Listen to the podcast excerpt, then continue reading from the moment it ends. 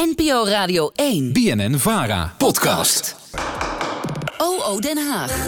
En dan hebben we het specifiek over dat lobbywerk voor Uber van Nelly Kroes. Een oud-eurocommissaris die in het geheim lobbyt voor een miljardenbedrijf. Nelly Kroes, ook VVD-prominent, deed het voor toen nog taxiplatform Uber. Dat zegt het internationaal consortium van onderzoeksjournalisten... dat 124.000 interne documenten van het bedrijf onderzocht. Kroes benaderde collega's en topambtenaren... om de taxiwetgeving veranderd te krijgen. De regels voor eurocommissarissen die weggaan zijn glashelder. Om belangenverstrengeling te voorkomen... mogen ze de eerste periode na hun vertrek alleen werken... met uitdrukkelijke toestemming van Brussel. Ze begrijpt ook niet dat het groter is dan haar.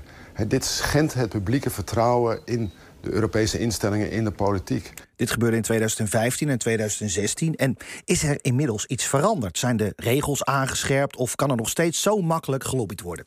Daarover praat ik met Louise van der Laan, directeur Transparency International Nederland. Ja, waarom allemaal zo moeilijk? Mevrouw van der Laan, uh, mevrouw van der Laan wat, wat vindt u van het nieuws over Nelly Kroes?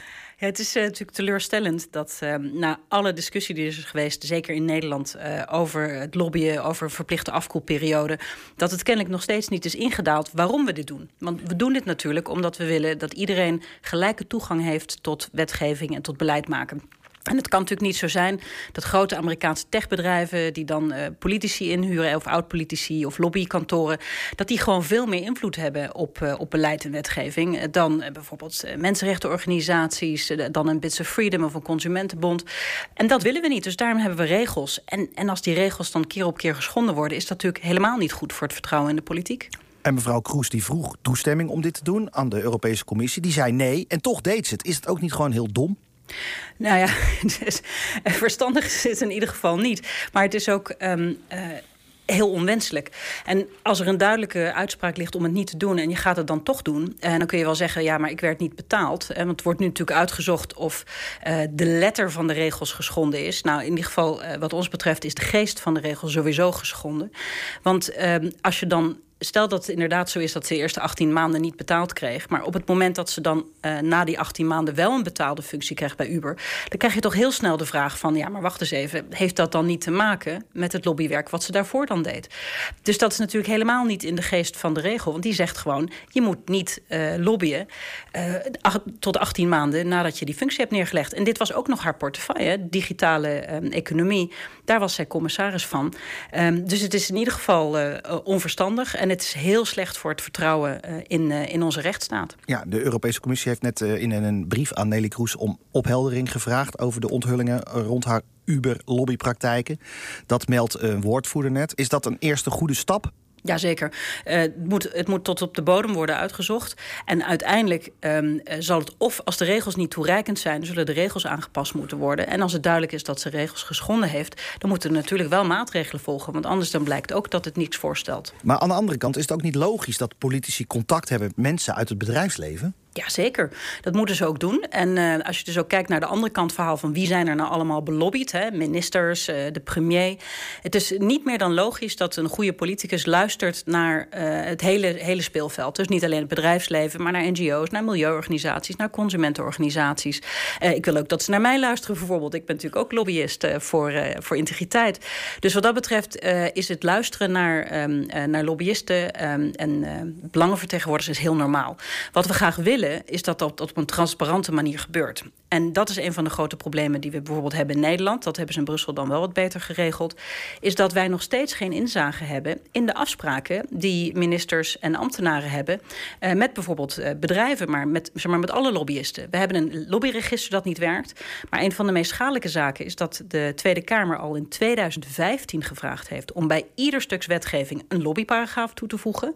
Waarin ze zeggen, nou, met wie is er nou eigenlijk allemaal gesproken? En dat wordt maar niet uitgevoerd door de Tweede Kamer. En vorig jaar heeft, uh, is er weer een motie ingediend van waarom wordt dat ding nou niet uitgevoerd. Laurens Dassen heeft er bij de algemene beschouwingen vragen over gesteld. En ze weigeren het gewoon. En dat is natuurlijk de, de, de, de keerzijde. Als je dus dat er wordt gelobbyd is logisch. Maar we mogen toch wel weten hoe ons beleid tot stand komt en met wie de, de overheid dan praat. Ik neem een klein voorbeeld, dat denk ik mensen nog wel weten. Het afschaffen van de dividendbelasting, wat toch echt een, een cadeautje is van 2 miljard aan, aan grote, twee grote multinationals. Dat stond in geen enkel uh, verkiezingsprogramma. Ik vind wel dat het dan goed is om te weten wie heeft er nou met wie gebeld, dat dat opeens werd ingediend bij de Tweede Kamer. En dat, dat soort zaken zijn dus niet te achterhalen in Nederland. En lopen wij als Nederland dan echt achter als we kijken naar de rest van Europa? Ja, wij lopen ongelooflijk achter. We krijgen ook elk jaar um, flink op onze donder van de Raad van Europa, van de Greco. Dat zijn de States Against Corruption.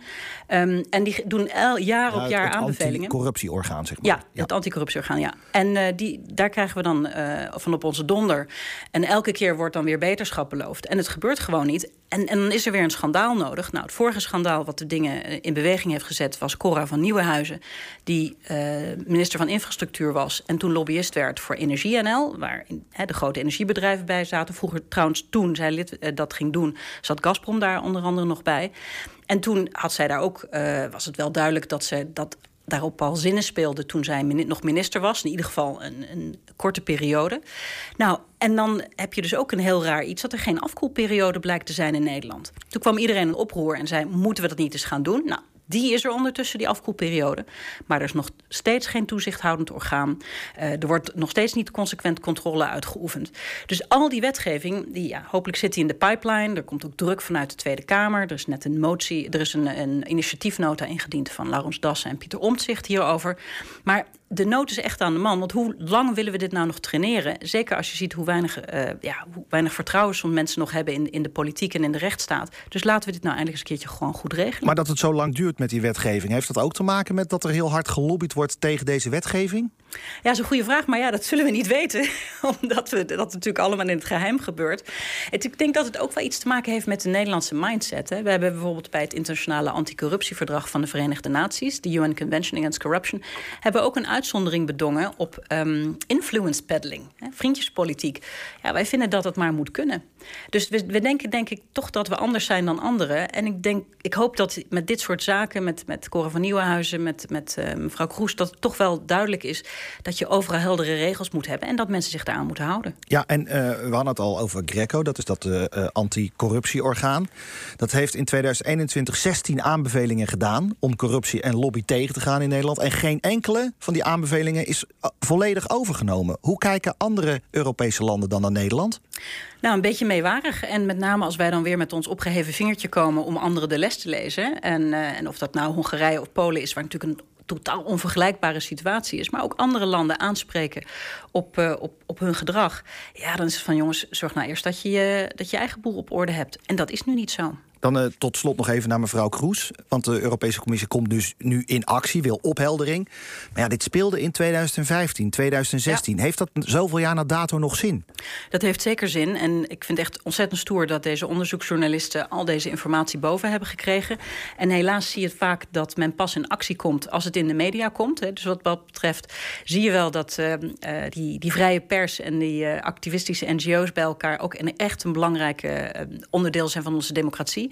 Ik denk dat ze niet onderuit kunnen en dat het moet. En als er inderdaad blijkt dat ze de regels heeft overtreden en als er een straf komt, dan is dat ook een hele belangrijke waarschuwing voor alle andere politici die proberen um, ja, dit op deze manier te doen. Want als het allemaal blijkt waar te zijn, dan kan het natuurlijk echt niet. Hartelijk dank, Loeswies van der Laan, directeur van Transparency International Nederland. Meer van de Nieuwsbv? Volg ons op Instagram.